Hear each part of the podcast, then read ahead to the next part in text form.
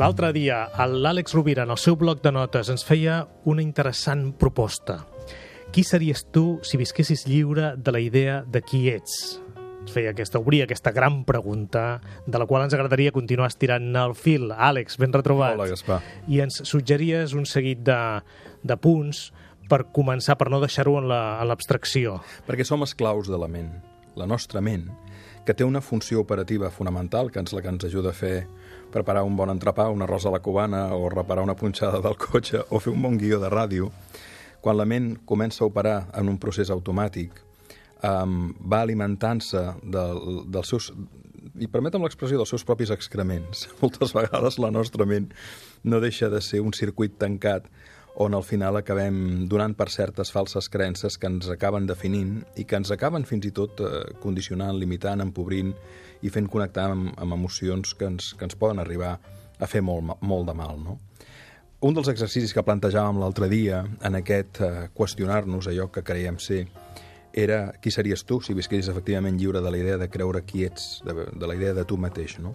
A partir d'aquí, un exercici interessant seria començar a apuntar les creences que tens sobre tu mateix. I sobre cada creença, com diria Byron Katie, preguntar pots afirmar amb total certesa que això que has escrit sobre tu és cert?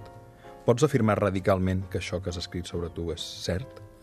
I un segon exercici en la línia d'aquesta magnífica i lúcida dona seria invertir les frases.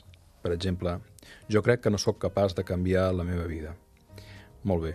Um, això és realment cert? Et sents totalment incapaç?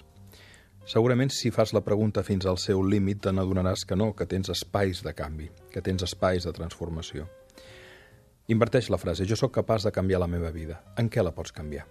En quins elements, per petits que siguin, començar per petites cosetes que puguis realitzar a curt termini, que puguis concretar i que et donguin l'evidència de que sí que es poden fer petites passes i que aquestes petites passes, a mesura que les vagis fent, et pots, et pots anar redefinint els teus àmbits de creences del que ets, pots anar conquerint nous espais d'interès, nous espais de formació, nous espais d'aprenentatge.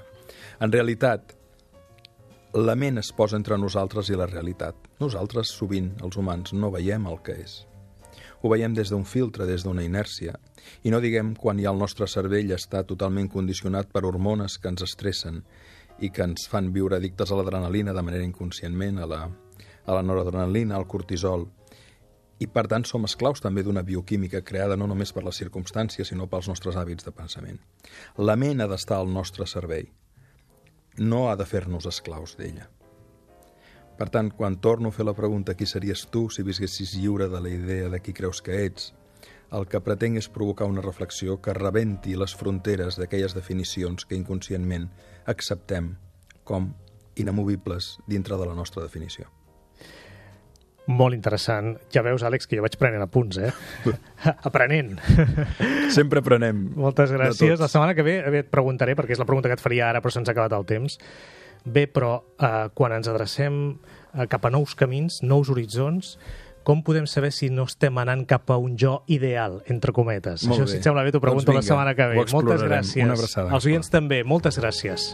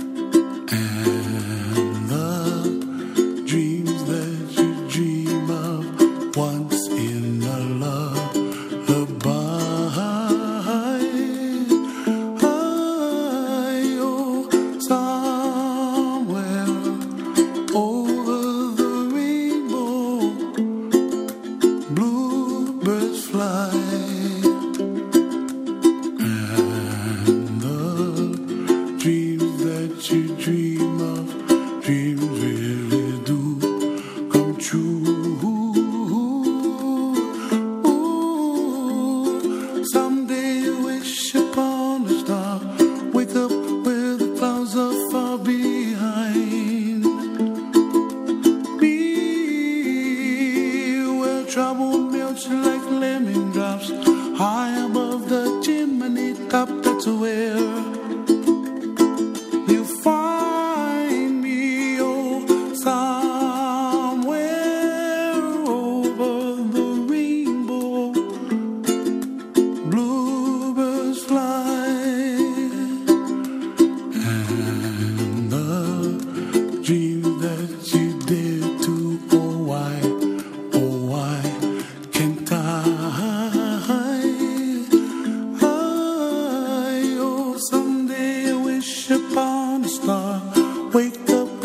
clouds are far behind.